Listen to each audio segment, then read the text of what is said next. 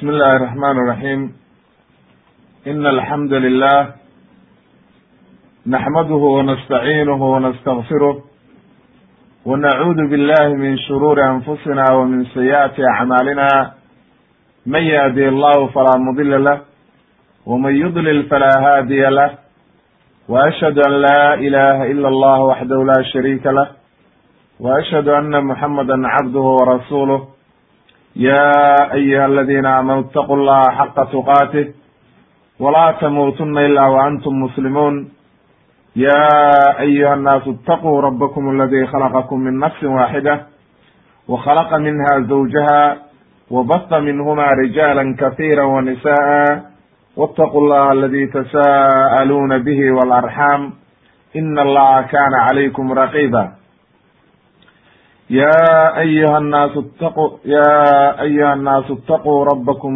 ya ayuha aladiina aamanuu itaquu llaha waquluu qawla sadiida yuslix lakum acmaalakum wayagfir lakum dunuubakum wman yudic allaha warasuulahu faqad faaza fawzan cadiima ama bacd faina asdaq alxadiidi kalaam allah wkhayr alhadyi hadyi muxamadi salى allahu alayhi wasalam washara alumuuri muxdathaatuha wa kula muxdathatin bidca wa kula bidcatin dalaala wa kula dalaalatin fi nnaar.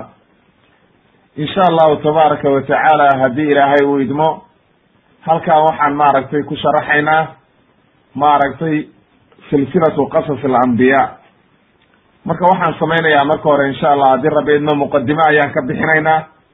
Iyo waxa weeye turjumatu ibni kahiir raximahullah. Marka muqadimo ayaan ka bixinaynaa qasasu alambiyaa iyo fawaa'idda iyo wanaagga ay leedahay.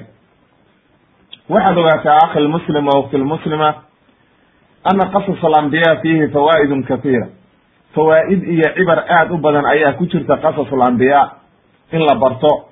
Dadkuna aad iyo aad bay ugu baahan yihiin leanna sababtu waxay tahay waxa ay ku baraysaa oo ay ku tusaalaynaysaa nebiyadii ambiyadii rusushii oo dhan iyo wixii ay la kulmeen sida ay u sabreen markay dhibaatada la kulmeen iyo waxa weeye dacwada say dadka ugu yeereen iyo mawqifkii ay qaateen markii mashaakil uu ku yimid intaasoo dhan ayay ku baraysaa.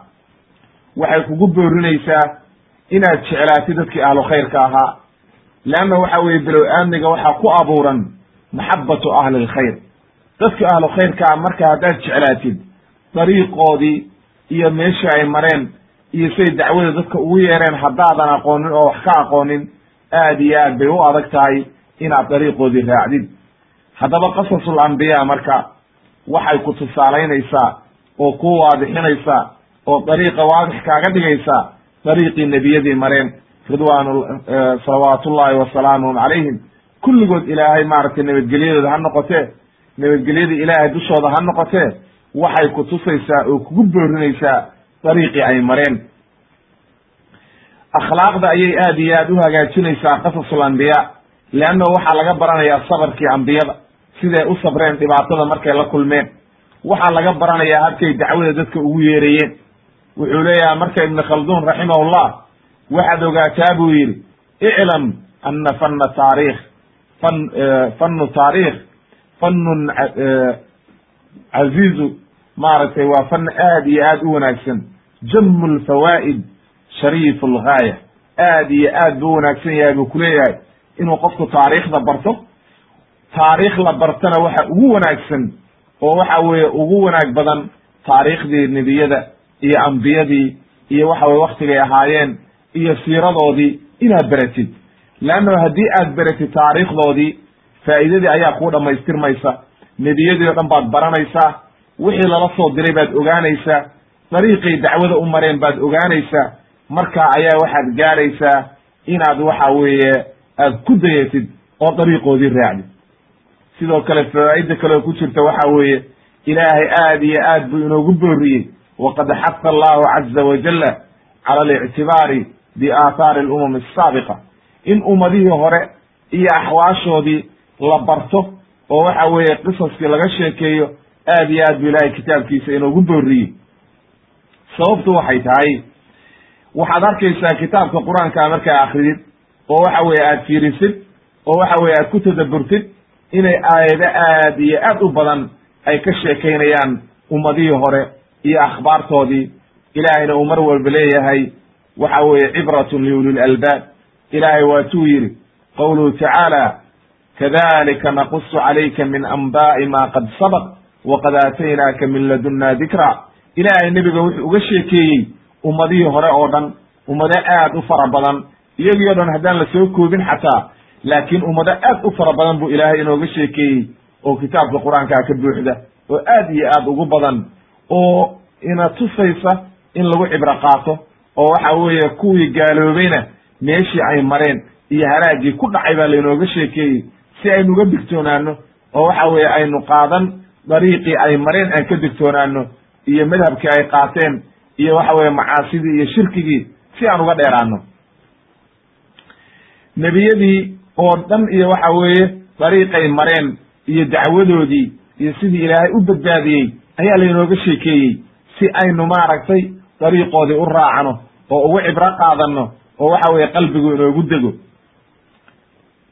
Sidoo kale ilaahay waxa uu ka sheekeeyey oo ku khatimay cala alumami asaabiqiina wamaa jara waxyaalihii ummadihii hore markuu ka sheekeeyey oo waxa weeye fi suurati huod markuu ilaahay ka soo sheekeeyey qoomamkii hore oo tegey qoomu nuux iyo ibraahim iyo ummadihii hore o dhan markii laga soo sheekeeyey ayaa ilaahay wuxuu yidhi dalika min anbaa'i alqura naqusuhu calayk.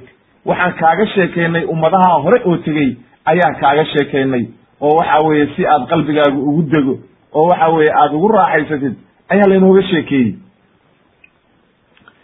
sidoo kale ilaahay wuxuu yidhi tilka alqura naqusuhu calayka oo waxa weeye min anbaa'iha. Waxaan kaaga sheekaynaynaa tilka alqura naqusu calayka min anbaa'iha waqad jaa'atum rusuluhum bilbayinaat fama kanuu liyu'minuu bima kadabuu min qabl kadalika yadbacu allahu calaa quluubi alkaafiriin ilaahay aayaddaa wuxuu inoogu caddeeyey ummadihii hore oo gaaloobay markuu nebiga uga sheekeeyey oo lagu dul akriyey ayuu yidhi ilaahay rusushii bay beeniyeen oo diintii ilaahay bay beeniyeen oo waxa weeye dariiqii xaq ah bay ka leexdeen. Ilaahay marka wuxuu ku khatimay oo waxa uu yidhi kadalika yadbacu allahu calaa quluubi alkaafiriin ilaahay saasuu qofka gaalooba qalbigiisa u daboolaya oo ciqaab iyo waxaa ku dhacaysa mashaakil iyo waxa weye qalbigiisiyo daboolmay ayaa ku dhacaya. Fi suurati alacraaf. Waqad amara allahu tacaala ilaahay waxa uu nebigiisa amray inuu qisaskii inooga sheekeeyo oo waxa weeye siduu ulahaa aayaddii qur'aanka ahayd watlu calayhim naba aladii aataynaahu aayaatina fansalaka minha faatbacahu shayطaan fakana min alghaawiin markuu ilaahay ka sheekeeyey ninkaa qisadiisii oo waxa weeye ilaahay uu halaagay oo inta cilmi la siiyey oo diin la siiyey oo waxa weeye la wanaajiyey ayuu markaa waxa weeye banaanka ka maray oo uu ka leexday oo uu halaagsamay oo waxa weeye shaydaan uu raacay. Aakhirka ilaahay wuxuu ku khatimay aayadaha fi suurati alacraaf. Ilaahay wuxuu ku khatimay faqsus ilqasasa lacallahum yatafakkaruun. Mathalu lqowmi aladiina kadabuu biaayaatina faqsus ilqasasa ay macnaha taasi waxa weeye mithaalkii lagu siiyey iyo tusaalihii lagu sheegay iyo habkii lagaaga sheekeeyey ummadihii hore. Haddaba marka faqsus ilqasasa ayaa la yidhi qasaskii uga sheekey buu yidhi ilaahay ummadaada lacallahum waxay mudan yihiin yatafakkaruuna inay waansamaan oo fakeraan oo ku cibro qaataan. Haddana sidoo kale ilaahay markuu ka sheekeeyey qoomkii la cadaabay oo halaagu ku dhacay oo waxa weeye almucadibiina waxay ay kasbadeen iyo dembiyaday galeen markii laga sheekeeyey oo lainooga digayo inaynu dariiqoodii raacno oo waxa weeye layna tusaalaynayo oo layna leeyahay halaagaasay sameeyeen oo ficilkaa xun bay sameeyeen iska ilaaliya. Ayuu ilaahay wuxuu yidhi awalam yasiiruu miyayna soconaynin fi lardi dhulka? Fayanduruu kayfa kana caaqibatu aladina kadabuu min qablihim. Kanuu hum ashadda minhum quwa wa aahaaran fi lardi faakadahum allahu bidunuubihim wama kana lahum min allahi min waq ilaahay aayaddaa wuxuu inoogu caddeeyey war miyaydan dhulka soconayn bali oo idan fakeraynin oo idan qasaskii ka faa'iidaysanaynin ummadihii hore oo tegey oo ilaahay halaagay oo dembigii ay galeen lagu halaagay miyaydan ku fekerayn ayaa layna yidhi. Sidaas daraaddeed marka halkaa waxaa kaaga caddaanaysa inay abboon tahay in lagu fekero ummadihii hore oo tegey oo waxa weeye halaagsamay iyo waxa weeye xumaantii ay sameeyeen iyo dhibaatadii ay galeen inta la fiiriyo in lagu fekero ayay mudan yihiin oo waxa weeye markaa laga digtoonaado dariiqoodii oo waxa weeye aad iyo aad aynu uga digtoonaano dariiqii ay mareen.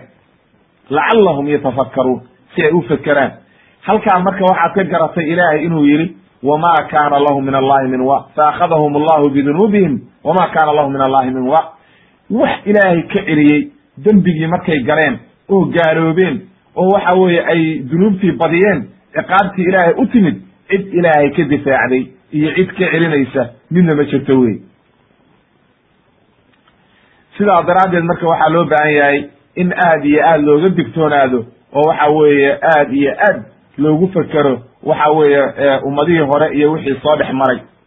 Ilaahay waxa uu yidhi sidoo kale uga sheeke wa qaala aladii aamana ya qowmi inii akhaafu calaykum mithla ywmi alaxzaab bal u fiirso mu'mina aali fircoon wuxuu dadkiisii ku leeyahay markuu nabiyullaahi muusa ay diideen oo ku gaaloobeen ayuu waxa uu leeyahay mu'mina aali fircoon baa la hadlaya qoomkiisii. Wuxuu leeyahay wa yaa qowmi qoomkaygiyo waxaan idinka baqayaa oo idinka cabsanaya inay idinku dhacdo ummadihii hore wixii ku dhacay. Wixii ku dhacay qowmi nuuxin qowmi nuuxin wa caadin wa hamuuda waladiina min bacdihim wama allahu yuriidu dulma lilcibaad. Waxaan ka baqayaa buu yidhi dhibaatadii ku dhacday ummadihii hore oo sidai ay u halaagsameen dembi markay galeen oo nebiyadii beeniyeen mashaakilkii ku dhacay inuu idinku dhaco ayaan ka cabsanaya. War ilaahay ka baqa oo nebiga raaca oo rumeeya rasuulka laydiin soo diray oo fircoon yuu idi halaagine iska daaya dariiqan uu fircoon idinku yeeray ilaahayna waxa weeye ummadaha ma dulmiyo haddayna iyagu dulmi la imaanin iyo waxa weeye gardaro iyo shirki ilaahay ma cadaabayo ummadaha waa inaad ogaatid weeye akhi lmuslim wa ukti lmuslima wa khatama allahu ilahay wuxuu ku khatimay sidoo kale calaa qasasi alambiya biannaha tuthabitu lfuaad fu'aad macnaha qalbiyada inay dejiso oo lagu dego oo lagu cibro qaato ayuu ilaahay inoo caddeeyey oo waxa weeye ay aad iyo aad u wanaagsan tahay leannahu ilaahay waxa uu yidhi qaala tacaala ilahay wuxuu yidhi wa kullan naqusu calayka min anba'i rusuli ma nuthabitu bihi fu'aadaka wa ja'aka fi hadihi alxaqu wa mawcidatun wa dikra lilmu'miniin ilahay fi suurati huud nabiga markuu uga sheekeeyey aayadda waxa lu ilaahay uu ku yidhi waxa sababta aan kaaga sheekaynayna waxay tahay qisaskii hore iyo waxa weeye rusushii hore iyo akhbaartoodii. Sababta aan kaaga sheekaynay waxa weeye qalbigaaga in lagu dejiyo. Leannahu mushrikiintii baa waxay ku hayaan saaxir baa tahay faalalow baa tahay beenlow baa tahay. Intaasoo dhan markay ku yidhaahdeen ayaa ilaahay qasaskii uga sheekeeyey nebiyullaahi nuux oo dhibaato lagu sameeyey nebiyullaahi ibraahim oo dabkii lagu riday. Nebiyullaahi huud oo la leeyahay waad waalan tahay. Nebiyullaahi luud oo la leeyahay waa ku rajiminaynaa kulli waxa weye nebiyadii markuu ilaahay uga sheekeeyey buu yidhi intaasoo dhan sababtaan kaaga sheekaynay waxay tahay inuu qalbigaagu ku dego. Oo waxa weye aada xasilooni ka qaadid. Haddaba waxaa la rabaa qofka muslimka ah oo ku dayanaya nebiyadii oo dariiqii xaqa ahaa doonaya inuu maro inuu ku qalbigiisu ku dego ambiyada markii looga sheekeeyo oo qasaska ambiyada markuu dhegaysto inuu qalbigiisa ku dejiyo oo uu ogaado rafaadka iyo dhibaatada maanta socota waxyaalaha fitanka iyo maanta socda in waxa weye ummadihii hore la soo dhibay mashaakil oo dhan lagu sameeyey inaad ogaatid weeye akhilmuslim wa ukhtilmuslima sidoo kale ilaahay waxa uu ka dhigay in la dhegaysto qasaskii oo waxa weeye lagu cibro qaato ilaahay wuxuu ka dhigay cibra iyo waxa weeye mawcida sidaa daraaddeed ayuu waxa uu yidhi laqad kaana fii qasasihim cibratun liuli lalbaab markuu ilaahay ka soo sheekeeyey qisatu yuusuf calayhi salaam walaalihii wixii dhex maray rafaadkii ku kala dhacay iyadoo waxa weeye godkii lagu riday ceelkii inta lagu riday ilaahay ka soo saaray. Haddana markaa waxa weeye addoonnimo loo iibiyey oo la addoonsaday haddana markaa masar la geeyey oo waxa weeye uu addoon noqday oo waxa weye markaa uu muddo halkaa joogay naagtii waxa weeye ay soo korisay haddana roorsatay dhibaato ku samaysay haddana la xiray mashaakil oo dhan lagu sameeyey. Intaasoo dhan marka ilaahay ka sheekeeyey haddana markaa uu madaxnimo gaaray ilaahay u necmeeyey marka dhinac walba markii laga taabtay qisatu yuusuf calayhi salaam oo waxa weeye marna la imtixaamay marna loo barwaaqeeyey ayaa markaa aakhirkii ugu dambeeyey ilaahay wuxuu ku khatimay. Markay arrintiisii o dhan ay dhammaatay ayuu ilaahay wuxuu ku khatimay. Laqad kaana fii qasasihim cibratun liuli lalbaab qofkii caqli leh oo wax garanaya. Ulul albaab ay ulul cuquul. Qofkii caqli leh oo wax fahmaya oo waxa weye ku tadabburaya waxay u tahay cibrad uu ku taamilo qaato oo waxa weeye uu markaa kaga digtoonaado waxyaalaha macaasida ah. Dariiqa xaqaana uu ku maro oo ilaahay uu ka cabsado ayay u tahay. Haddaba waxaad ogaataa marka akhilmuslim oo waktilmuslima qasasul ambiyaa aad bay fawaa'ideedu u badan tahay.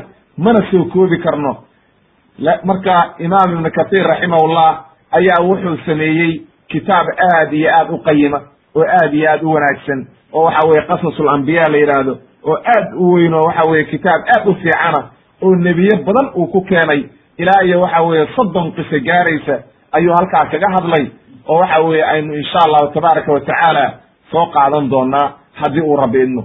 Nebi nebi baan uga sheekaynaynaa oo soo qaadan doonaa sidoo kale kitaabkiisa waxa weeye albidaaya wanihaaya waa kaga hadlay oo waxa weeye ilaa iyo waxa weeye bid-ul khalqi uu kaga hadlay oo waxa weeye uu aad u waday markii dambena uu qasasul soo gaaray. Qasasul markaasuu kitaab gaara ka dhigay.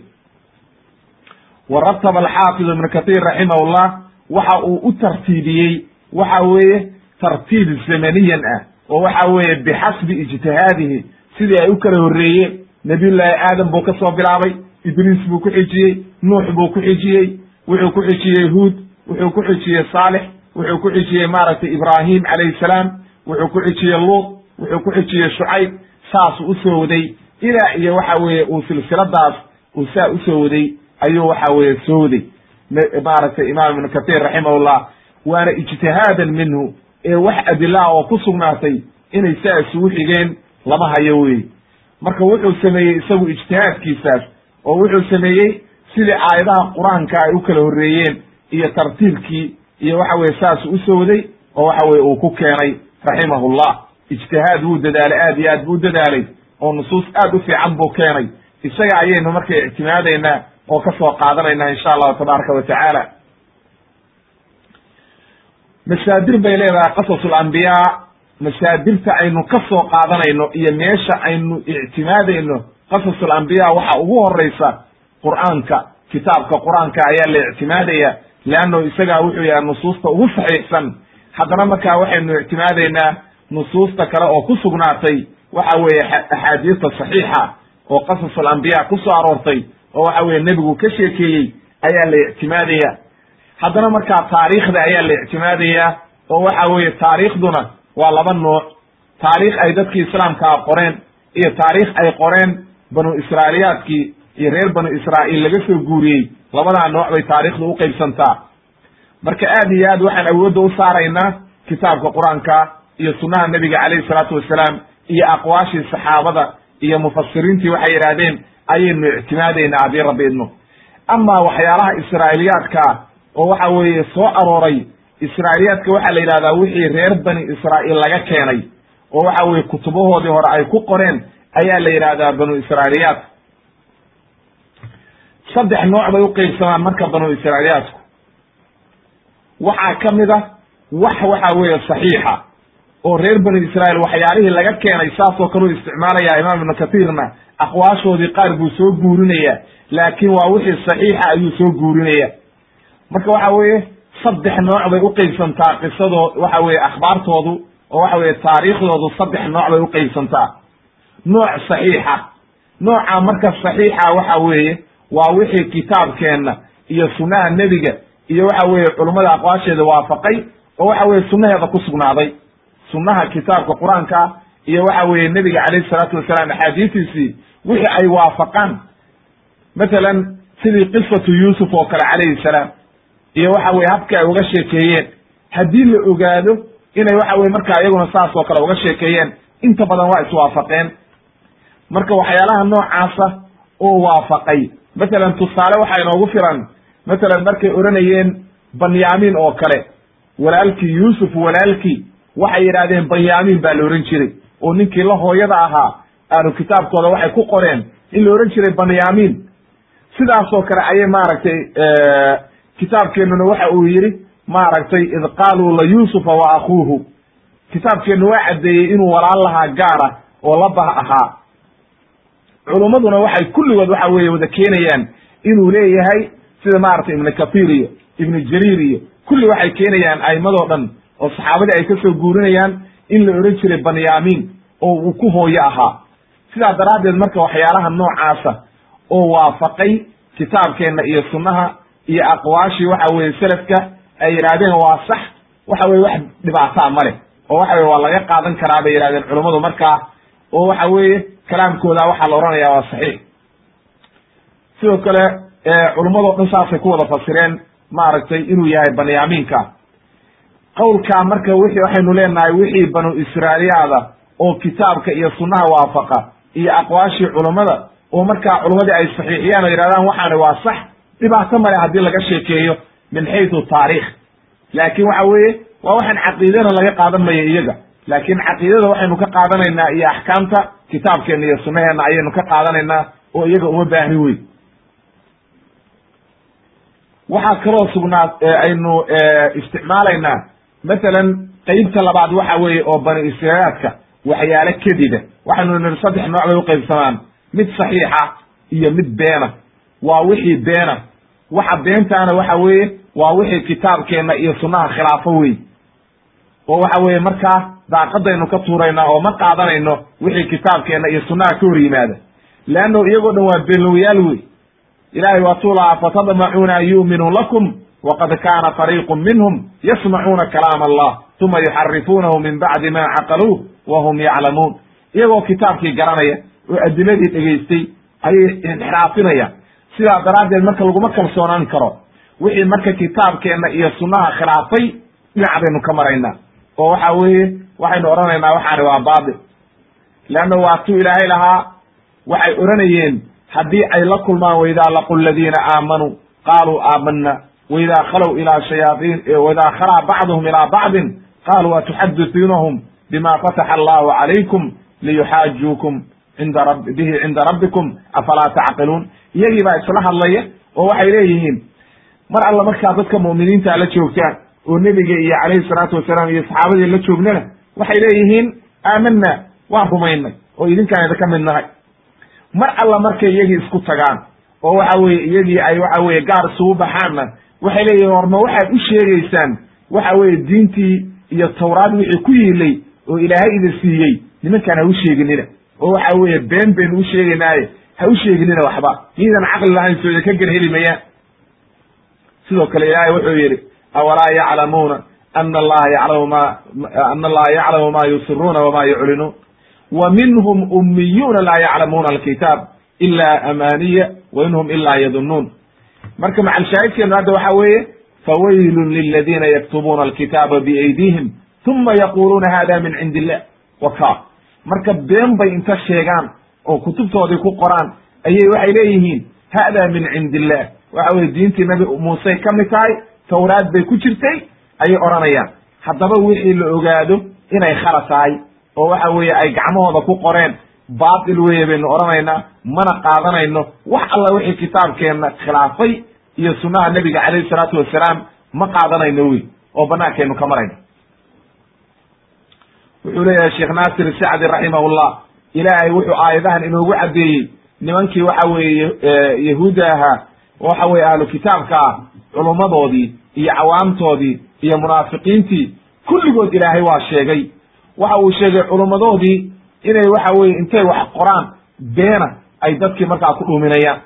Cawaamtiina inay iska taqliidinayaan iyagoo bilaa cilmi ku raacaya. Haddaba waxa weeye markaa ma raacayno oo waxa weye wax khalad ah oo waxa weeye kitaabkeenna iyo sunnaha khilaafay ma qaadanayno marka haddii rabbi idmo. Oo waxa weye waynu radiyeynaa oo waxa weye ma qaadanayno wax alla wixii bani israaada oo kitaabka iyo sunnaha khilaafay dhinac baynu ka maraynaa haddii rabbi idmo saasaan ku samaynaynaa qasasul ambiya insha allahu tabaaraka wa tacaala. Leanna sababtu waxa weeye laguma kalsoonaan karo oo waxa weeye ba waa baatil bay u badan yihiin waxoodu ma lagu kalsoonaan karo sheikh alislaam ibnu taymiya sidoo kale wuxuu leeyahay macnaha saas oo kale uu caddaynaya oo wuxuu leeyahay maadaama ay kitaabkii ilaahay inxiraafiyeen oo waxa weye wax beena ay ku dareen wax lagu kalsoonaanayo ma aha oo waxa weye ilaahay waa ceebeeyey oo waxa weye aad iyo aad bu ilaahay uga hadlay inay dadkaasi ay yihiin dad aan lagu kalsoonaan karin. Haddaba marka wax alla wixii ay keeneen oo waxa weeye banu israa'iyaada oo reer banu israa'iil laga keenay oo waxa weeye aan deliisheenna waafaqin waxaynu leenahay waxaan ma qaadanayno oo dhinaca baynu iska dhigayna. Marka labadaa qaybood oo aan soo sheegnay insha allahu tabaaraka wa tacaala midda koowaad waxa weeye waa wixii sunnaheena iyo kitaabka waafaqa. Waynu qaadanaynaa oo waxaynu leenahay way saxan yihiin leannahu kitaabkeenna ka markhaanti kacay oo kitaabkeennu wuxuu ka markhaanti kacayaa kutubtii hore oo dhan ayuu ku markhaanti furaya. Wixii saxa iyo wixii khalada ayuu kala sheegaya qowlka labaad waxaynu niri oo midda labaad oo aan la qaadanaynin waxa weeye oo aynu tuurayno wax alla wixii kitaabkeena khilaafay waxaynu leenahay waa baatil wey waa beentoodii iyagu ay ku dareen waa tuuraynaa marka. Mid saddexaad baa jira marka oo waxa weeye la yidhaahdo wixii aan kitaabkeenuna uuna beenin uuna rumaynin iyaguna ay sheegeen maxaan ka yeelayna. Marka haddaynu niri middii koowaad waxay tahay wixii iyagu ay kitaabkeenna waafaqay. Waxaan leenahay waa sax waa run. Oo kitaabkeennii baa caddeeyey inay run tahay iyo sunnaha wixii kitaabkeennu beeniyey ama sunnuhu beeniyey na waxaynu leenahay waa been weeye iyagaa gacmahooda ku qortay oo ma qaadanayno. Haddaba marka wixii uuna kitaabkeennu ka hadlin oo uuna beenin oo uuna rumaynin oo uu ka aamusay nebiguna uuna ka hadlin calayhi salaatu wasalaam saxaabadiina ayna caddayn oo odhan waxaani waa beentood maxaynu ka yeelaynaa. Taa waxaynu odhanaynaa leanna wuxuu ixtimaalaa inay been tahay waxayna ixtimaashaa inay run tahay. Labadaba waa suurtagal wey sidaa daraaddeed ayaa nebigu waxa uu leeyahay calayhi salaatu wasalaam xadiidka abu hureyra uu ka wariyey ayuu nebigu wuxuu yidhi abu hureyra wuxuu leyahy radi allahu canhu qaala wuxuu yidhi kaana ahlu lkitaabi yaqra'uuna tawraat bilcibraaniya wa yufasiruunaha bilcarabiya intay ku soo akriyaan luuqadoodii oo waxa weeye cibraaniyadu waa luuqadii ay ku hadli jireen waa luuqadii yahuudda wey ayay inta ku soo akriyaan oo soo fahmaan ayay markaa carabi u turjumi jireen oo waxay samayn jireen intay carabi u bedelaan ayay dadka islaamkaa ku dhex akrin jireen oo ay u sheegi jireen oran jireen saa iyo saasaa jirta saasaa dhacday waxyaalihii cilmi qeybka ah oo kitaabkooda ku waxyaalo badan bay sheegi jireen. Nebiga calayhi salaatu wasalaam baa markaa wuxuu yidhi laa tusadiquu ahla alkitaabi walaa tukadibuuhum ha rumaynina. Wixii ay idiin sheegaan ha rumaysanina. Hana beeninina. Sababtu maxay tahay? Maxaan samaynaa marka? Rasuulka ilaahay wuxuu yidhi markaa waquluu waxaa dhahdaan aamanaa billahi wma unzila ilayna wma unzila ilaykum waan rumaynay annagu wixii ilaahay uu soo dejiyey oo idinka laydinku soo dejiyey oo tawraad ahaa waanu rumaynay. Wixii ilaahay uu annaga nagu soo dejiyey oo kitaabka qur'aankaana waa rumaynay annagu. Oo waxa weye laakin wixii kale ood idinku ku darteen ma rumaynayno. Ayaa halkaa ka soo baxaysa marka. Xadiidka waxaa weriyey imaamu albukhaari iyo waxa weeye maaragtay imaamu muslim ayaa weriyey oo imam bukhaari baa weriyey oo waxa weye xadiis saxiixa oo waxa weye fatxulbaariga ayaad ka helaysaa oo waxa weye halkaas ay ku caddahay wey marka halkaa waxaynu ka garanay wuxuu ku yaallaa bukhaariga raqamka toddoba kun iyo waxa weeye saddex boqol iyo waxa weye lixdan iyo labo. Halkaa marka waxaynu ka garanay inaynan banaanayn wixii aynu sax u garanaynin inaynu qaadano oo ku yeelo ma ku raacayno wuxuu leeyahay xaafid ibn xajar markuu xadiidkaa sharaxayo qaala ibn batal raximahullah wuxuu ka warinaya can ilmuhallab wuxuu ka warinaya hada annahyu inama huwa fi su'aalihim cama laa nasa fiihi. Wixii aan nas loo haynin oo aan daliil saxiixa loo haynin oo waxa weeye aynu garanaynin waxay tahay ma weydiinayno liannahu waxa weeye lianna sharcunaa sharcigeenna iyo diinteenna ayaa inagu filan oo waxa weeye diinteenna kaamila. Marka ma weydiinayno wixii ay inoo sheegaanna oo ayna yidhaahdaan diinteedaa saa qabtay waxaynu fiirinaynaa waxaani ma diinteennu ma waafaqday mise ma inkirtay oo diinteennu waa radiday. Leanna waxyaalo badan oo ay sheegan jireen oo ay lahaayeen diintay ka mid tahay oo tawraad bay ka mid tahay ayaa kitaabka qur'aanka lagu radiyey oo ilaahay radiyey oo waxa weeye uu ilaahay beeniyo caddeeyey inay been tahay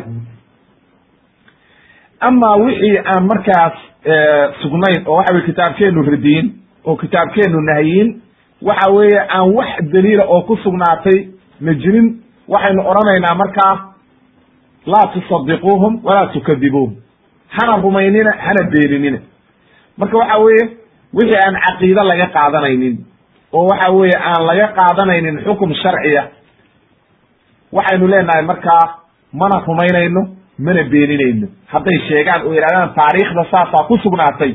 Waxaynu leenahay bas weye annaga ma beeninayno mana rumaynayno. Oo saasay sheegeen wallahu aclam bisixatihi inuu sax yahayna ilaah baa garanaya marka haddaba khulaasadeedi waxa weeye saddexdaa nooc ayaynu u kala qaadaynaa waxyaalihii reer banu israa'iil laga soo wariyey. Inay waxa weeye kitaabkeenna iyo sunnaha waafaqaan. Waa sax baynu leenahay.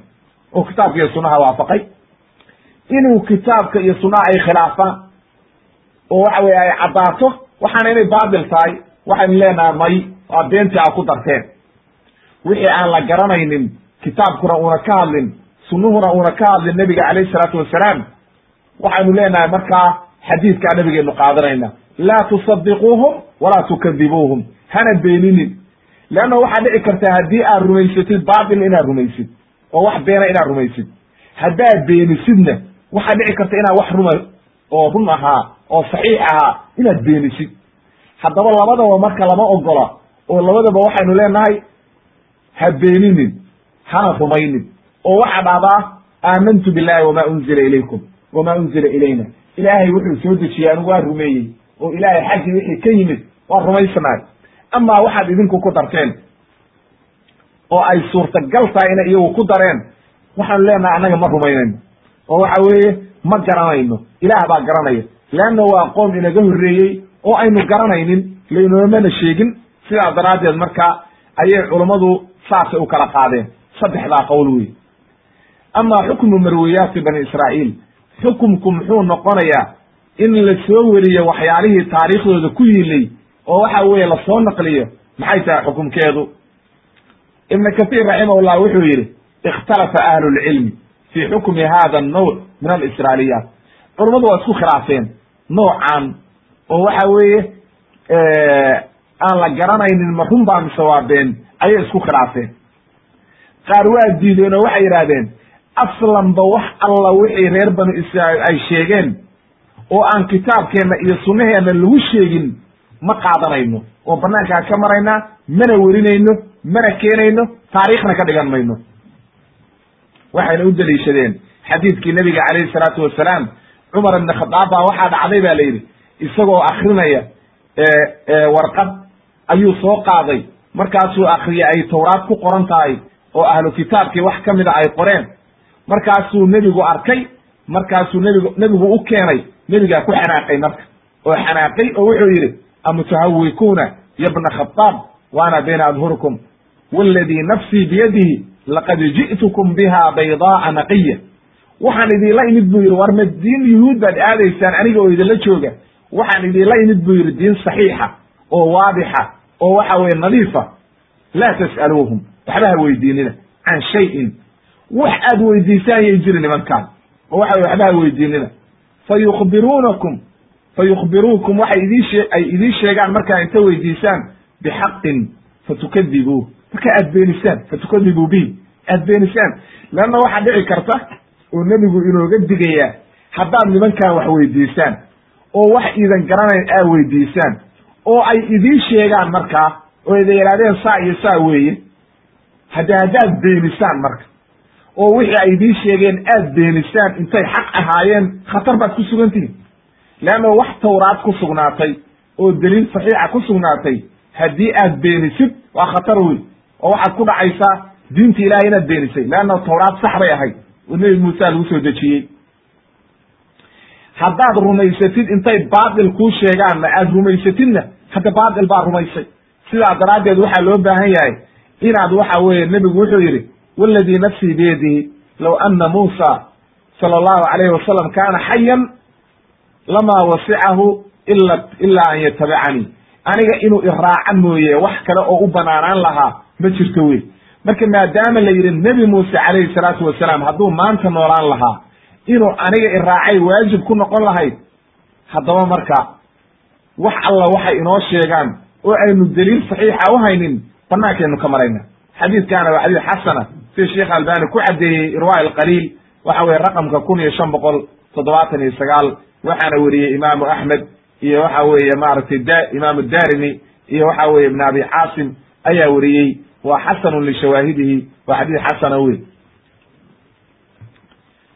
waxay marka culummadaasi waa diideen oo waxay yidhahdeen ma qaadanayno annaga wax alla waxay la yimaadeen ma qaadanayno. Waxaa kaloo ka mid ah xadiid kale oo nebiga ka sugnaaday calayhi salaatu wasalaam maya cabdullahi ibni cabbaas ayaa wuxuu leeyahay ya macshar almuslimiin muslimiinta kulankeediyow kayfa tas'aluuna ahla alkitaab can shayin wa kitaabukum aladi unzila alay ala rasu cala rasuuli illahi axdathu alakhbaari billah. See baad reer ahlu kitaab wax u weydiinaysaan.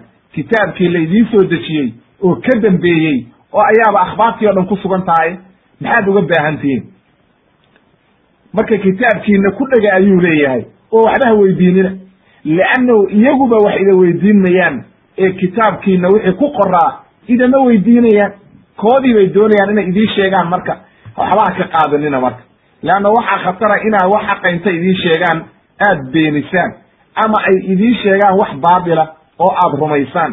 Wuxuu marka cabdullahi ibnu cabbaas halkaa ku nahiyaya in la qaato kalaamkoodii oo wuxuu leeyahy warxaba dadkaan ha ka qaadanina waxna ha ka rumaynina. Imaam albukhaari ayaa weriyey xadiidka waa xadiis saxiixa waa asar saxiixa oo cabdullahi ibnu cabbaas ka sugnaaday weye toddoba kun iyo saddex boqol lixdan iyo saddex ayuu ku weriyey wuxuu kutusayaa marka qowlkaasi inaan waxba laga qaadan nimanka oo waxa weye banaanka laga maro. Sidoo kale cabdullahi ibnu mascuud wuxuu leeyahay laa tas'aluu ahla alkitaabi can shayin. War waxba ha weydiinina ahlu kitaabka. Fa inahum lan yahduukum waqad adalluu anfusahum. Naftoodii bay dhumiyeen oo baadiyeeyeen seebay adi wax kugu faa'ideynayaan marka. Waxaa dhici karta buu yidhi inay inta wax kuu sheegaan wax run aha aad beenisid ama wax baatil aha inta kuu sheegaan aad rumaysid. Sidaa daraaddeed saxaabadii waxay naahiyayaan inaan la qaadan qowlkooda oo banaanka laga maro. Cabdirasaaq ayaa weriyey xasanahu xaafid ibn xajar fi fatxi ilbaari ayuu xasan kaga dhigay majalada saddex iyo toban safxada afar boqol iyo sideed ayuu maaragtay xasan kaga dhigay. Halkaa marka waxaa inooga sugnaatay oo inoo caddaatay inayna habboonayn in kalaamkoodii la qaato wuxuu leeyahay marka ibnu kathiir khulaasadu waxa weeye sida aynu maarata soo khulaasaynayno daahirka axaadiistan waxaa laga fahmayaa calaa taxriimi marwiyaati can bani israa'iil. Wax alla waxay reer bani israa'iil keeneen inaan la qaadan oo banaanka laga maro ayaa waxa weeye daahirka axaadiista iyo aqwaasha saxaabada laga fahmaya laakiin waxa weeye qaar culummada ka mid ah ayaa ogolaado waxay yidhaahdeen wixii aan caqiida ka sugnaanaynin axkaamna laga qaadanaynin oo iska taariikh ah waa laga soo werin karaa. Wax dhibaataana male hadday xataa waxa weye ayna laakin bishardi waa inayna kitaabkeenna khilaafin. Iyo waxa weeye sunnaha hadday ka hor timaado waxba laga qaadan mayo.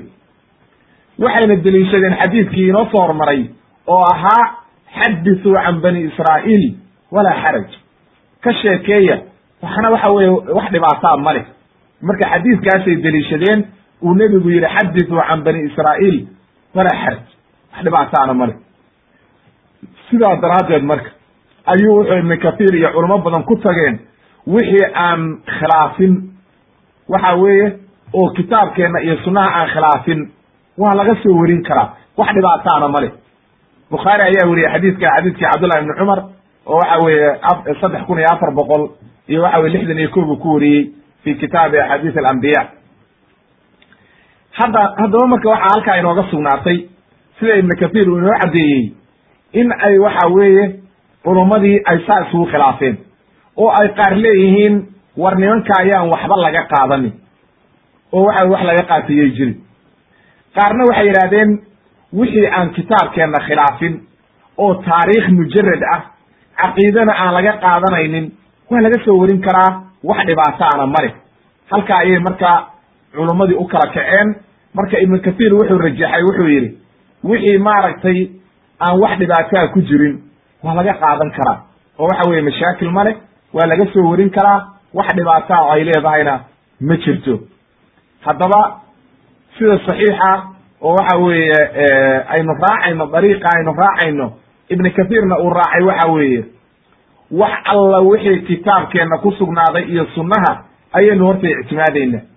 Oo waxa weeye wax ka yimid reer banu israa'iil haba yaraatee ma ictimaadayno. Oo sida saxiixa waa qowlkaa weye oo waxa weye waxaynu qaadanaynaa wixii kitaabkeenna iyo sunnaha ku sugnaaday. Taa ayaynu qaadanaynaa oo waxa weye aynu ictimaadaynaa horta. Kabacdi markaas wixii taariikhda ku sugnaaday laba arrimood baynu u qaybinaynaa taariikhdu ama reer banu israa'iil soo guuriyeen ama cid kale ha keentee wixii taariikha laba qaybood baynu u qaybinaynaa. Wixii caqiide laga qaadanayo iyo waxa weeye axkaam taariikh kama qaadanayno. Caqiide iyo axkaam midna kama qaadanayno wax taariikha. Oo waxa weeye axkaamta iyo caqiidada waxaa laga qaataa kitaabka iyo sunnaha haddaba sidaa daraaddeed wixii caqiide ah oo ku sugnaa oo caqiide laga qaadanaya caqiida ka ratimayso waxaynu leenahay waxaa naga daaya reer banu bay ka yimaadeen ma qaadanayno. Oo waxa weye bannaankaynu ka marayna. Amaa wixii taariikh mujarada oon wax dhibaataa lahayn oo waxa weye matalan ay yidhaahdaan hebel waktigiisa halkaasuu ku dhashay ama hebel waxa weye halkaasuu ka yimi ama waxa weye hebel intaasoo qof baa la dhalatay wax mashaakila male caqiidana maaha iyo hebel waktigaasuu dhintay da'daasuu jiray wax dhibaataa male leanna sababtu waxay tahay rusushu iyo ambiyadii say u badnaayeen waxay ahaayeen reer banu israa'iil. Marka maadaama ay reer banu israa'iil ahaayeen una badnaayeen taariikhdooda aad bay ugu badan tahay sidaa daraaddeed ibnu kathiir raximahullah wuxuu aad iyo aad uga soo guurinayaa aqwaashoodii iyo waxa weeye waxyaalihii ay taariikhda ku keeneen aad buu u keenaya. Marka mar walba waxaan isku dayeynaa inaan fiirino wixii isagaa radiyaya marka ibnu kathiir wuu radiyaa wax alla wixii been ah oo waxa weeye uu is leeyahay waxaanay caqiida ka sugnaanaysa ama waxa weye waa wax beena wuu radiyaya. Oo waa radiyaa oo wuu caddeeyaa inay been tahay oo waxa weye ayna saxiix ahayn. Haddaba qof walba oo muslima waxaa looga baahan yahay sida ay culimmadu yidhaahdeen in uu qaato waxa weeye kitaabka iyo sunnaha wixii ku sugnaaday. Culamaau salaf ridwaan ullahi calayhim iyo waxa weeye saxaabadii wixii ay sugeen ayaynu qaadanaynaa. Taa ayay tahay waajibka inagu waajibkaa inaynu ictiqaadno oo aynu raacno dariiqoodii. Sida sheikh alislaam ibnu taymiya iyo waxa weeye naasir isacdi iyo ibnu kathiir culummadoo dhan ay saa leeyihiin ama ahlu lahwaa dadka ahlu ahwaaga oo hawadooda raacay sida waxa weye reer banu israa'iil iyo waxa weye mubtadacada kuwa waxa weeye raafidadoo kale iyo waxyaalaha noocaas oo kale waxaynu samaynaynaa wax aqwaashooda ma qaadanayno hadday caqiida ka sugnaanayso iyo waxa weye axkaam. Ama wixii waxa weeye iska taariikha oo mujarada oo aan wax xukuma ka ratimaynin waa laga qaadan karaa bu yidhi ibnu kathiir raximahullah. Waxa uuna u tartiibiyey ibnu kathiir saynu sheegnay aqwaashaas sidii maaragtay uu u keenay ijtihaadkiisa. Oo waxa weeye wax ijtihaadkiisa ku saabsan ayuu keenay oo waxa weeye wuu tartiibiyey. Marka waa ijtihaadkiisa weeye radi allahu an raximahullah waa ijtihaadkiisa. Marka habkaa inaguna ayaynu ku soconaynaa oo hadda wax aynu ku beenino oo dhaano habkan uu u tartiibiye waa khalad ma hayno. Leanna waxa weeye isaga ayaa wuxuu ahaa nin taariikhda aad iyo aad u yaqaan oo taariikhda qoray isaga ayaa ahaa oo ahlu taariikh buu ahaa. Waxa weeye imaamu ahlu taarikh ayuu ka mid yahay oo taariikhda aad iyo aad ayuu ugu xeel dheeraaday kitaab albidaaya wanihaaya uu leeyahay oo taariikhda uu aad iyo aad uga hadlay. Intaa marka waxaan uga gudbaynaa insha allahu tabaaraka watacaala qasas alambiyaa iyo dariiqadii aynu maraynay muqadimadeedii muqadimo yar baynu ka samaynaynaa marka ibnu kathir raximahullah. Awalan magaciisa waxaa la yidhahdaa alimaam alcalaama almuxadith alxaafid almu'arikh ayaa lagu ammaanaa inuu imaam ahaa caalim uu ahaa waxa weye aad iyo aad oo waxa weye diinta islaamka ugu adeegay. Ahlu taarikh uu aad iyo aad taariikhdana uu waxa weye u yiqiinay abulfida ayaa la ohan jiray oo lagu kunyeyn jiray. Ismaaciil ayaa magaciisa la ohan jiray.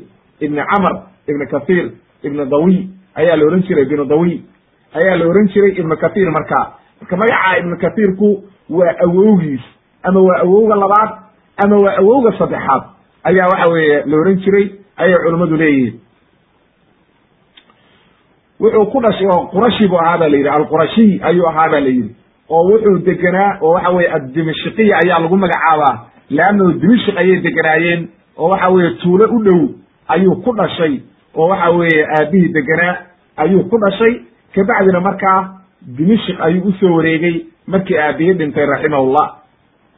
Waqad ishtahara wuxuu caam ku yahay marka oo ku caam baxay cimaad uddiin ibnu kathir raximahullah ayuu waxa weye aad iyo aad ugu caanbaxay. Marka ibnu kahiirka waxay leeyihiin culummadu waa jaddi awowgii weeye. Alaqrab ow alabcad marka awowgiisa koowaad waa noqon karaa kan saddexaad ama kan afraadna waa noqon karaa culummadu intaba waa yidhahdeen calaa kulli xaal ibnu kahiirka kahiirkaasi waa awowgu u yahay laakiin awowga uu yahay ma cadda.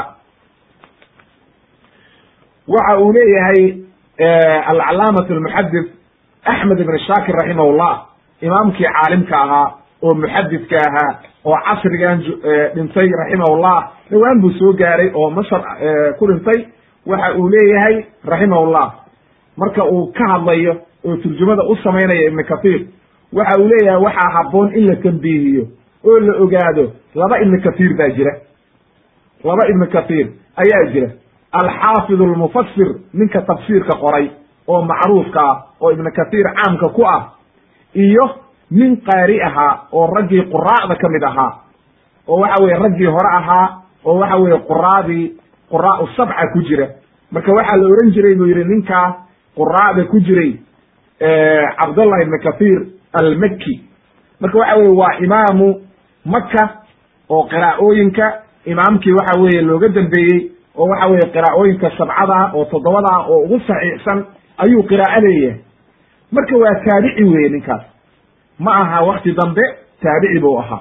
Wuxuu la kulmay ba layihi anas bnu malik wuxuu la kulmay maaragtay sidoo kale saxaabo kale oo waxa weye uu kaga qaatay maaragtay sida cabdullah ibnu zubayr iyo ayuu la kulmay oo wax ka weriyaa marka taabiciintii ayuu ahaa wuxuuna dhashaa la yidhi sannadkii afartan iyo shantii hijiriyada wuxuuna dhintay boqol iyo labaatankii haddaba ibnu kathiir oo markii la yidhaahdo quraacda laga hadlayo oo qiraa'ooyinka laga hadlayo oo culuum lqur'aan laga hadlayo qiraa'atu ibni kathir haddii la yidhaahdo ninkaa horaa loo jeedaa cabdullahi ibni kathir almakki ayaa loo jeedaa. Ma aha ibni kathirkan mufasirka saa ayuu inoogu caddeeyey maaragtay axmed shaakir raximahullah.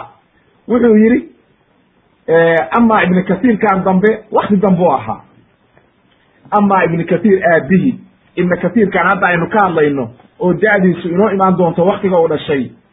Isagu waxa weeye aabihii waxaa la ohan jiray shihaabudiin abu xafsin marka shihaabkaasi waa laqab oo lagu ammaanayo inuu diinta islaamka u soo gargaaray oo u soo adeegay ayaa lagu ammaanayaa waxa uu leeyahay abu xafsi ayaa la ohan jiray cumar ibni kathir ayaa la ohan jiray oo awowgiisaas ayaa marka ahaabaa la yidhi maaragtay kathiirka aabihii baa kathir ahaa ba la yidhi cumar ibna kathir baa isaga la ohan jiray ba la yidhi abu xafsinna waa lagu magacaabi jiray.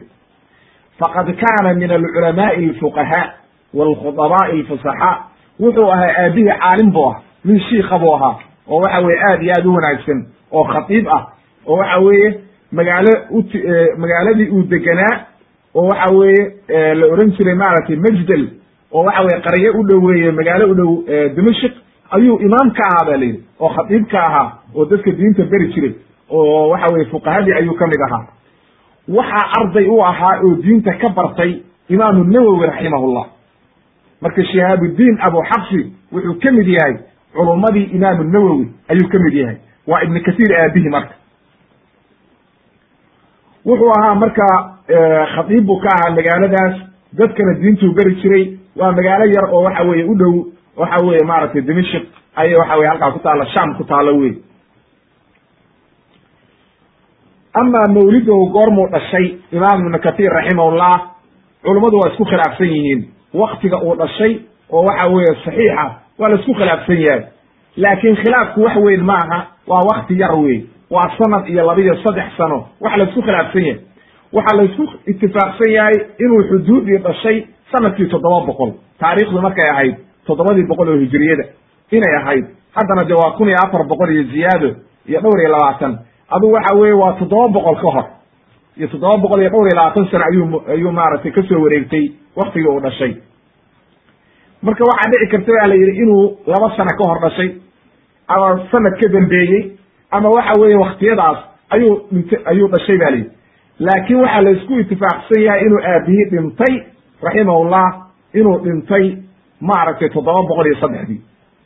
Marka calaa kulli xaal toddobadii boqol iyo saddexdii ka hor ayuu dhashay ibnu katiir leanno isaga oo jooga oo wiil yar ah oo aan weli qaangaarin oo waxa ilmo yar ah laba sano saddex sano afar sano meelahaasa ayuu aabihii dhintay raximahullah. Oo agoon buu ahaa marka ibnu katiir raximahullah.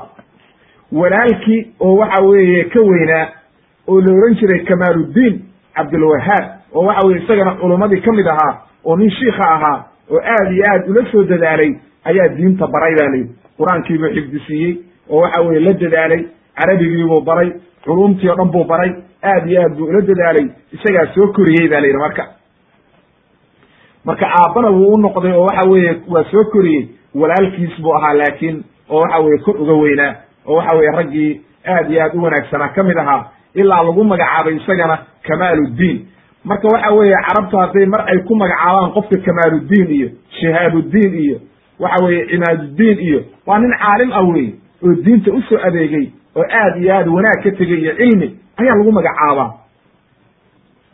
Sidaa daraaddeed marka ayay waxay leeyihiin ragga u turjumada u sameeyey waxay leeyihiin waxa uu waxa weeye cilmiga ka qaatay markii hore walaalkii ayaa soo koriyey oo dimishk keenay. Qur'aankiibu wuxuu xifdiyey ba la yidhi isagoo waxa weye sannadkii taarikhdu markay ahayd toddoba boqol iyo koob iyo tobankii adugu isagoo ama toban jira ama koob iyo toban jira ama weliba waxa weye aan tobankii gaarin ayuu xifdiyey qur'aankii oo waxa weye uu xaafidulqur'aan noqday. Culuum aad u badanna uu bartay. Markaasu wuxuu bilaabay ba la yidhi leannao dhaqan baa jiray muslimiintu ay leeyihiin marka hore qur'aanka ilmaha la xifdisiiyaa kabacdi baa culumta la baraa markaa kale loo bedela fiqiga ayuu bartay marka wuxuu ka tafaquhay ba la yidhi markii hore uu xifdiga uu bartay oo mutuuntii xifdiyey madhab calaa madhab shaafici. Imaam shaafici madhabkiisii oo shaaficiyada madhabkoodii ayuu bartay ba la yidhi oo aad iyo aad u bartay culumtii mukhtasarka ahayd oo waxa weeye fiqigii ayuu xifdiyey ba la yidhi. Kabacdi markaasu wuxuu u gudbay inuu waxa weeye cilmigii kala sii barto. Aad buu culuumulqur'aan u bartay ba la yidhi iyo waxa weye xadiidkii iyo diraasadii ayuu aad iyo aad u bartay iyo taariikhda iyo culuum rijaal ayuu aad iyo aad u bartay. Lama sheegin ba la yidhi xaafid ibnu katir raximahullah oo intuu dimishk ka tegey oo waxa weeye magaalo kale cilmi u doontay lama sheegin ba la yidhi. Sababtu maxay tahay leanna waktigiisa waxay ahayd dimishk kaanat manbican manbacan min manaabic alcilmi. Cilmiga ilihii cilmigu ka soo burqanayay bay ahayd oo iyadaa cilmiga loo soo aadi jiray oo culummadoo dhan baa joogtay oo waxa weeye ahlu cilmigii o dhan baa isugu yimid. Leanno bal u fiirso waxaa halkaa joogay oo waxa weeye ka mid ahaa culummadii joogtay imaamu maaragtay abilxijaaj almizi alxaafid almizi ninkii waxa weeye aan wax lamidaba jirin xifdigiisa oo waxa weeye taadiib ulkamaal ahaa oo cilmi rijaalka aad iyo aad looga dambeeyo ayaa waxa weye shiikh u ahaa haddana gabadhiisii siiyey oo waxa weye wuxuu qabay gabadhii wuxuu guursaday ibnu kathir gabadhii la ohan jiray zaynab oo waxa weye imaam ulmizi uu dhalay. Halkaa marka ayuu la degey imaam ulmizi oo waxa weye xaafidkii kabiirka ahaa ayuu la degey oo cilmiga ka bartay oo xadiidkii ka bartay oo waxa weeye aljarxu watacdiil iyo culuum rijaal uu ka bartay. Ilaa waxa weeye uu noqday isagiina culummada aad iyo aad waxa weye loo ammaano oo waxa weeye looga dambeeyo musطalax alxadiidka iyo aljarxu watacdiil aad iyo aad waxa weye looga dambeeyo culuum rijaal ibn kathir ilaa uu noqday. Wuxuu ka qaatay ba la yidhi kitaabkiisii tahdiibu kamaal. Ayuu aad iyo aad uga bartay oo waxa weye raggii oo dhan buu xifdiyey oo culuum rijaal buu bartay. Waxaa kaloo ka mid ahaa culimmadiisii uu la xiriiray oo cilmiga ka qaatay sheikh alislaam ibnu taymiya ayaa waktigaa joogay isagana dimishik oo waxa weye uu cilmiga ka qaatay wuxuu kaloo ka qaatay ba layihi oo culimmadiisii ka mid ahaa imaamu dahabi raximahullah ayaa ka mid ahaa. Iyo waxa weye isxaaq alaamidi culummadii waaweyneyd walqasim ibn casaakir xaafidkii kabiirkaa ibn casaakir oo taariikhda looga dambeeyey ayaa isagana ka mid ahaa. Waxa weeye culummo aad u badan baa ijaazo siisay oo ka mid ahayd culummadii waxa weeye ima ibn kathir raximahullah waxa weeye diinta uu ka qaatay oo cilmiga ka qaatay aad iyo aad bay u badnaayeen waktigaas halkaasayna joogeen. Sidaa daraaddeed marka ibnu kathiir uma baahan inuu cilmi meel kale u doonto oo waxa weye magaalo kale uu aado uma uu baahan wey marka halkaasuu cilmigii ka helay halkaasuu cilmigiisii ka daldashay marka oo rabbi uu la kulmay ayuu cilmiga ka qaatay amaa madhabkiisii iyo waxa weeye madhabta uu qaatay waxay yidhaahdeen culummadu xaafid ibnu kathiir raximahullah waxa uu la la noolaaday oo la joogay culummadii markaa u badnayd a'imatu shaaficiya oo waxa weeye jamaaco aad u badan sida imaamu almizi iyo sida waxa weeye sheikhi la odhan jiray burhaanuddiin alfazari iyo maaragtay sheikh kamaaluddin ibn alqaadi iyo culummo badan oo halkaa joogtay oo waxa weeye madhab shaaficiya aad iyo aad u tiqiinay oo waxa weeye min a'imo miiran ahaa ayuu cilmigii ka bartay oo ka bartay maaragtay madhabkii imaam shaafici laakiin imaamu imaam ibnu kahiir raximahullah ma ahayn nin taqliidiya oo waxa weeye culummadoo dhan waxay ahaayeen madhabka ha qaateen laakiin sida maanta madhabta loo yaqaan shaaficiye ayaan taqliidinaya anoon garanaynin waxa saxiixa iyo waxa saxa ayaa waxaan iska leeyahay anuu shaaficiyaan ahay. Shaaficiyadu saasay qabtaa. Hadda waxaa laga yaabaa waxaan uu sheegayaba shaaficiye inayna qabin oo waxa weeye madhab shaaficiya ayna ka mid ahayn oo culamaadu shaaficiya ay radiyayaan noocaas oo kale ma ahayn ibnu kathiir ibnu kathiir raximahullah wuxuu aha nin caalim ah oo diinta fiirinaya. Waxa uu fiirin jiray qowlka imaamu shaafici uu yihi wuxuu fiirin jiray qowlka imaamu abu xaniifa uu yihi qowlkii imaamu malik qowlkii imaamu axmed culummadii oo dhan imaamu alawsaaci kulligood oo dhan buu fiirin jiray aqwaashoodii. Markaasuu wuxuu qaadan jiray qowlka waafaqa deliisha iyo sunnaha iyo waxa weye kitaabka qur'aanka waafaqa ayuu qaadan jiray marka waxa weye sidaa daraaddeed wuxuu aha mujtahide. Ma ahayn nin waxa weye muqalida oo waxa weeye laakiin waxaa loo nisbeeyaa in la yidhi shaafici ayuu ahaa. Wax dhibaataana male hadduu qofku intuu diintii qaadanayo oo waxa weeye uu raacayo dariiqii saxda ahaa uu yidhaahdo aniga shaaficiyaan ahay. Wax mashaakila male oo waxa weye wax dhibaato ay leedahay. Ma jirto. Ee waxaa la diidayaa taqliidka indhahala oo waxa weye iska tirahayd nas baa laguu sheegaya lagu leeyahay war masaladan waxaa waafaqay daliishii iyo adiladii wuu khilaafay imaamu shaaficiya waxaa khilaaf waxaa waafaqay maaragtay imaamu axmed markaasaad leedahay maya anigu shaaficiyaan ahay taa weeye midda la diidaya. Waa inaad ogaatid akhilmuslima waktilmuslima shaaficiya walaa axmediya walaa waxa weeye malikiya kulligood waa isku mid wey diinta saxdaa waxa weeye qur'aanka kitaabka sunnaha inaad raacdid iyo waxa weeye sunnaha nebiga calayhi salaatu wasalaam inaad raacdid kitaabka qur'aanka iyo sunnaha nebigu inuu la yimid ayaa la raacaaye. Culummadu waxa weeye aqwaashoodii waa sharax weye way inoo sharaxayaan. Marka saynu hadda u soo sheegaynay oy masalada isugu khilaafeen masaladii banu israa'ilaadka markaynu ka hadlaynay hadday masale isku khilaafaan waxaan fiirinaynaa qolada u dhow sawaabta iyo adilada ee waxa weye qofna iska taqliidin mayno. Ama waxa weeye caqiidadiisu maxay ahayd imaamu ibn kathir raximahullah caqiidadiisu waxay ahayd caqiidatun salafiya caqiidadii selafka laga soo gaaray nebiga calayhi salaatu wasalaam iyo saxaabadii iyo waxa weeye a'imadii imaamu shaafici iyo axmed iyo kulligood waxa weeye taabiciintii oo dhan caqiidadoodu waxay ahayd caqiidatu salaf asaalix in lagu socdo dariiqii ay mareen saxaabadii oo aan laga leexan ayay ahayd. Sidaa daraaddeed caqiidadiisu ma ahayn caqiida ashcariya caqiide kale ma ahayn caqiida suufiya ma ahayn caqiidatun salafiya ayay ahayd oo saxiixa oo waxa weeye kitaabka iyo sunnaha uu ku soconayo oo uu ka qaadanayo kitaabka iyo sunnaha ayay ahayd caqiidadiisu raximahullah.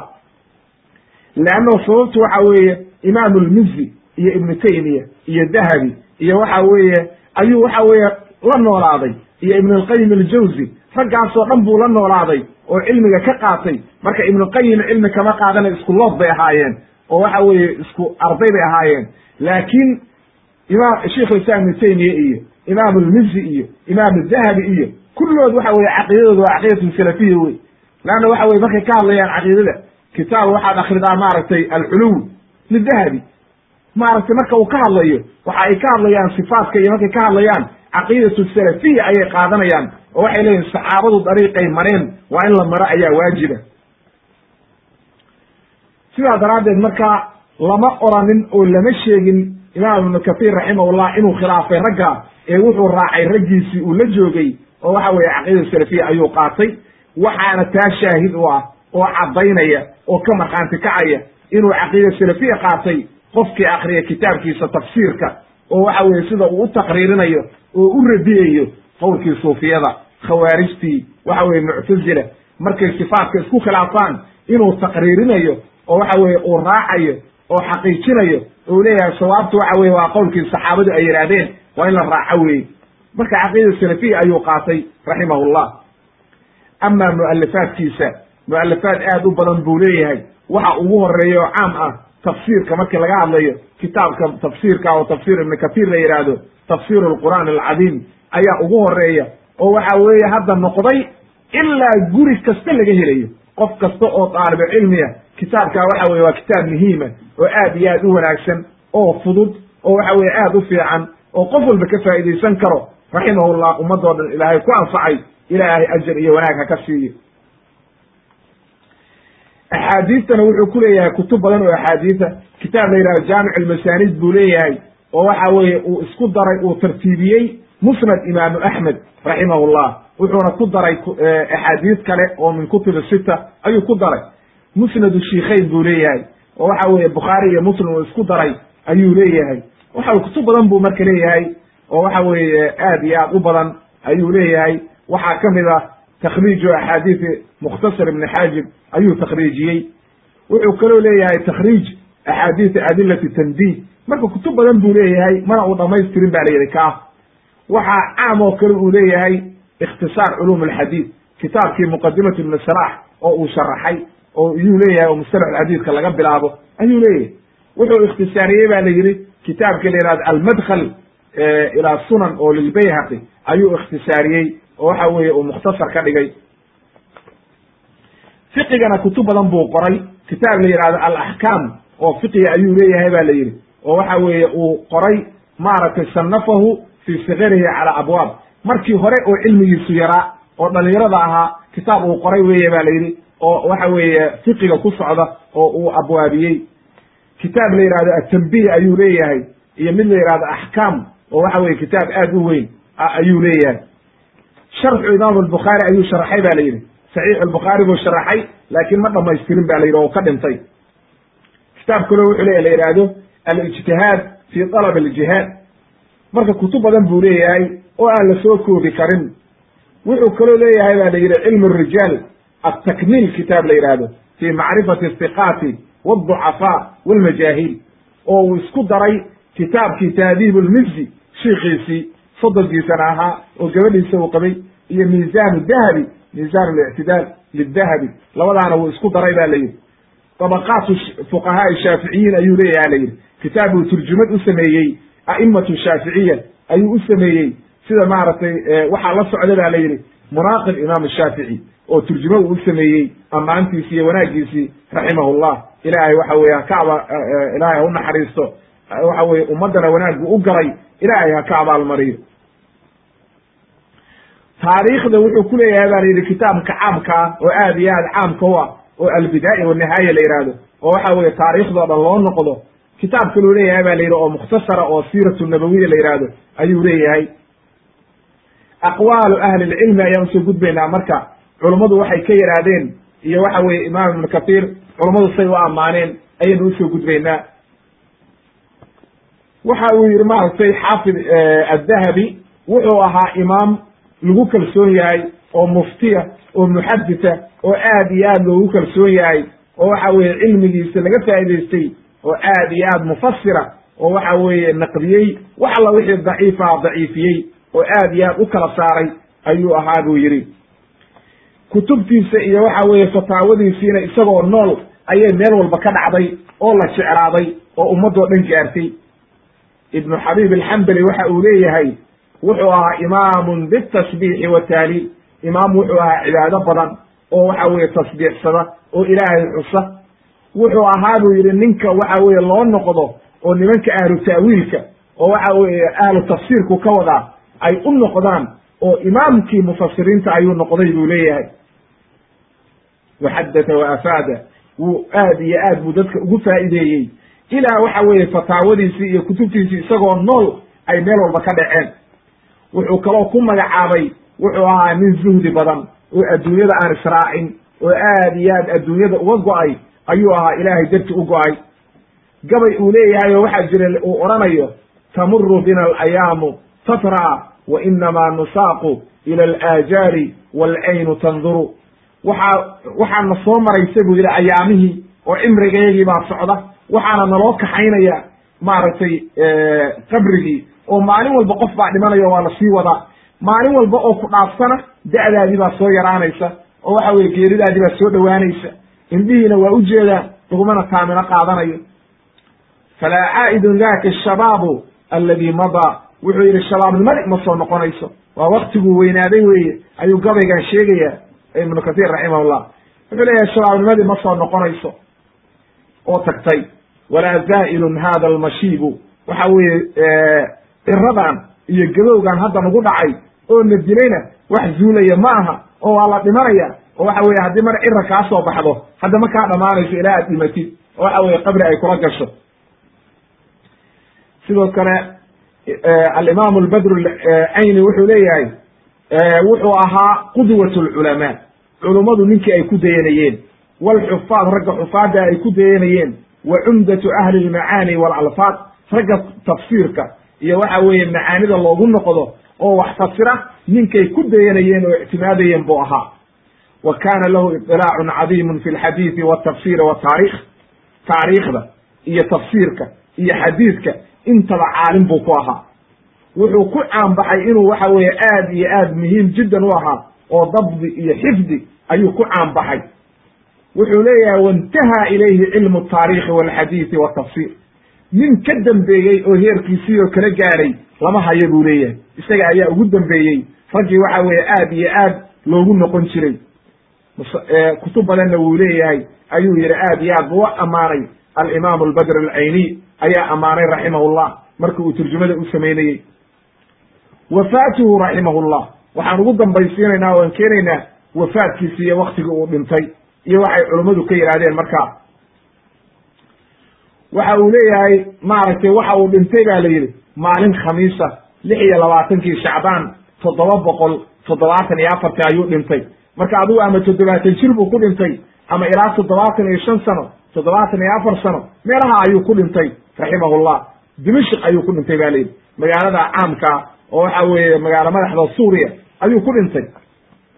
Waxa uu leeyahay naasir uddiin dimashqiy markuu turjumada u samaynayo kaanat lahu jinaasatun xaafilatun mashhuuda. Jinaasadiisii maalintuu dhintay aad iyo aad baa looga soo qayb galay. Leanna waxay kutusaysaa qofka markii jinaasadiisa ummadda islaamka o dhan ka soo qayb gasho ninkaas sida loo jeclaa iyo waxa weye dadkao dhan say uga naxeen iyo waxa weye dadkao dhan say aad iyo aad ugu nin walba u kala tartamayey bal inuu waxa weye wax ka soo xabaaro oo shahaadadiisa uu ka soo qayb galo sidaa daraaddeed bay culamaau salaf waxay ohan jireen markay ahlu bidca la hadlayaan mawcidunaa yowma aljanaasa maalinta qofku uu dhinto weeye ballanteennu ninka ahlu bidaca markuu dhinto cidina raaci mayso qabrigiis waxa weye janaasadiisii oo waxa weye dadkii ma rabaan oo waxa weye nin xun buu ahaa oo waxa weye ummaddii o dhan ma rabaan qabrigiisa inay tagaan oo waxa weye cidina ka nexi mayso. Laakiin ninka shiikha oo caalimkaa oo dadka diinta beri jiray oo sunnaha dadka u keeni jiray maalintuu dhinto dadkii o dhan baa naxaya waa la isku soo baxaya waa la wada barooranaya nin walba waa ka naxaya. Sidaa daraaddeed marka ayuu markuu dhintay ummaddii o dhan isugu soo baxday.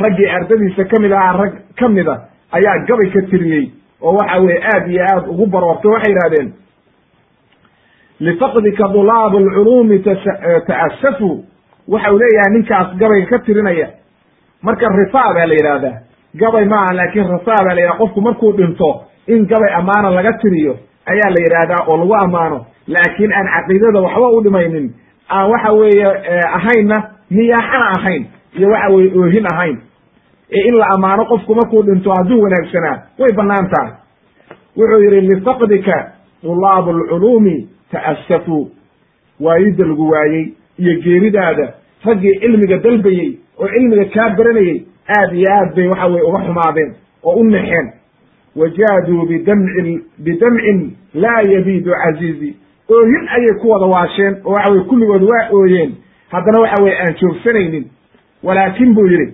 walow mazajuu maa maa almadaamici biddina ilmaha ilmada ka timid indhahooda oo biyaha ka socda hadday dhiig u bedeli lahaayeen say u ooyayaan haddii dhiig ka imaan lahaa oo ay ku dadaali lahaayeen lakaana qaliilan yabna kahiiri wanaaggii aad ka tagtay iyo cilmigii aad ka tagtay iyo wanaaggaa dadka aad tartay waxay noqon lahayd waxaas oohintaa yartahay waxaad u yar bay noqon lahayd. Walow ay dhiigba indhahooda ka timaadeen marka ma gudi karaan weeye wanaaggaagii cidna ma gudi karto. Ayuu leeyahay oo ku ammaanaya raximahullah wa huwa kadalika saasuu ahaa. Leanna waxa weeye maanta cilmigiisii ayaa caalamulislaam oo dhan saa loo qurqurinaya oo laga faa'iidaysanaya. Meeqa jaahil waxa weye nin jaahil ahaa oo aan waxba kala garanaynin oo waxa weeye waxbaray oo cilmigiisii iyo kutubtiisii ka aflaxay ilaa iyo yowma alqiyaamana waxaan rajaynaynaa in saa looga aflaxo raximahullah ilaahayaa ka abaalmariyo. Wanaaggii uu galay oo waxa weeye ajar iyo xasanaad iyo waxa weye miisaanka xasanaadka ilaahay inuu u saaro ayaan ugu ducaynaynaa wanaaggaa uu ka tegey. Intaa marka ayaynu ku soo gebagabaynaynaa ibnu katiir raximahullah turjumadiisii. Masaadirta loo noqonayo oo waxa weeye meelaha laga soo qaadanayo turjumada laga helayana qofkii raba wuxuu akrin karaa tadkirat alxufaad lidahabi. Wuxuu akrin karaa alradd alwaafir libni nasir dimashqiyi nasir diin dimashqiyi wuxuu akrin karaa addurar alkamina waxa weeye maratay ibni xajar alcasqalaani wuxuu akrin karaa dabaqaat shaaficiya maaragtay libni qaadi shuhba. Wuxuu akrin karaa daylu tadkirat alxufaad lisuyuuti wuxuu akrin karaa shadaraat dahab libni libni cibaad. Ayuu akrin karaa albard wuxuu akrin karaayoo kale albadr aalic oo lishawkani wuxuu akrin karaayoo kalead ka helaysaa abjad alculuum lisadiq xasan khan raximahullah waxaad kaloo ka helaysaa cimaad tafsir libni axmed shaakir raximahullah waxaad kaloo ka maaragtay aad ka helaysaa oo waxa weeye isagana turjumo u sameeyey alaclaam lisarkashi maaragtay lisarkiliyi nin la yidhaahdo oo waxa weeye qoray isagana turjumo u sameeyey marka kutub aad u badan iyo mucjam lmu'alifiin oo waxa weeye lixakala ayaa isagana u sameeyey. Marka culamo badan oo ka dambeysay iyo waktigiisii ahayd ayaa turjumo fiican u samaysay oo ka hadashay oo waxa weeye aad iyo aad u ammaantay oo waxa weeye turjumadiis oo dhan sheegtay weeye oo waxa weeye caddaysay raximahullah haddaba marka ibnu kafiir muqadimadiisii iyo muqadimadii waxa weye qasas alambiyaa halkaa ayay ku eg tahay waxaan marka sheegayaa kelimad yar oo aan ku darayo. Horta sideeda waxaan ictimaadi doonaa insha allahu tabaaraka wa tacaala kitaabka qasas alambiyaa oo ibnu kafiir oo waxa weeye uu taxqiijiyey nin la yidhaahdo oo waxa weeye mucaasira. Waxaa taxqiijiyey marka nin la yidhaahdo caamir ibn cali yaasiin waa laba majeladood kitaabka ayaan horta ictimaadaya haddii idmo aniga oo aan keligii ictimaadaynin laakiin hadday tasxiix noqoto iyo waxa weeye hadday noqoto in dib loogu noqdo asalka meesha qowlka laga soo qaadanayo waxaan ictimaadayaa oo isku dayayaa qowl walba meeshii asalka laga soo qaaday inaan u tiiriyo. Oo waxa weeye hadday noqoto qasas alambiyaa hadda kitaabkii ibnu kathiir baan u tiirinaya oo qasas alambiyaa weye oo wax alla waxa aan qowl soo guurinayno ibnu kathiir haddii aan dhaho qaala ibnu kathiir waxaan u jeedaa kitaabkiisa qasas alambiyaa ilaa haddii aan meel kale ka soo qaato qowlkiisa sida tafsiirka oo kale waan caddaynaya waxaan leeyahay tafsiirkuu ku yidhi qowlkaa culummada kale aqwaasheeda oo aan soo qaato waan caddaynaya iyagana oo waxaan dhahaya halkaasay ku yidhaahdeen oo waxa waan sheegayaa meesha a aan ka soo qaatay. Ama tasxiixu alxadiid xadiidta iyo aathaarta saxiixooda waxaan ictimaadayaa oo ugu horreeya oo waxa weeye aan aad iyo aad u ictimaadayaa imaamu lmuxadith alcasri oo waxa weeye muxadisiinta casriga ah sida sheekh maaragtay moxamed nasir iddiin albani raximahullah oo imaamu ahlulxadiid ahaa casrigan oo kutub aad iyo aad u badan ka tegey oo waxa weeye aad iyo aad maaragtay kutubtiisu ay mufiid u tahay. Oo culummadoo dhan ay u qoreen u qireen oo uga markhaanti kaceen inuu yahay muxadith alcasri. Ninka ayaan ictimaadaya raximahullah ilaahay maaragtay ha u naxariisto hana ka abaalmariyo. Wanaagga iyo waxa weeye cilmiga iyo diinta uu uga tegay dadka ilaahay ajar iyo xasanaad ha ka siiyo. Waxaan kaloo ictimaadayaa wixii aan isaga ka waayo sida maaragtay axmed shaakir raximahullah imaam axmed shaakir isaguna waa sidoo kale oo waxa weye dhowaan buu dhintay. Isaguna waxa weye muxadis buu ahaa macruufa oo la yaqaan. Waxaan ictimaadayaa oo kale xaafid ibn xajar raximahullah iyo xaafid ibn kathir alxaakim iyo dahabi culummadii muqadimiintaada oo dhan mutaqadimiintahayd oo dhan baan ictimaadaynaa haddii rabidno xadiis walba waxaan isku dayayaa oo qasas alambiya ku arooray inaan sheego ciddii saxiixisay oo waxa weeye ninkii saxiixiyey shiikhii iyo imaamkii saxiixiyey inaan sheego ee aana iska soo qaadan ayaan isku dayayaa insha allahu tabaaraka watacala haddii rabbi idmo waxaan leeyahay marka wax alla wixii khalada oo ku soo aroora qisas oo iga dhaca ilahayga subxaana qaadirka aga uga toobad keenaya oo waa khadaa weeye ilaah iyo rasuulkiisuna beri bay ka yihiin. Wax alla wixii aan ku saxana oo saxana oo qasdigaygu uu yahay inaan ummadda uga faa'iideeyo oo aan ka qayb qaato udcu ilaa sabiili rabbika inaan ka qayb qaato ayuu qasdigaygu yahay. Ummaddana aan uga faa'iideeyo qof walboo ka faa'iidaystana waxaan leeyahay marka ilaahigi subxaana qaadirkaa kaa dhigo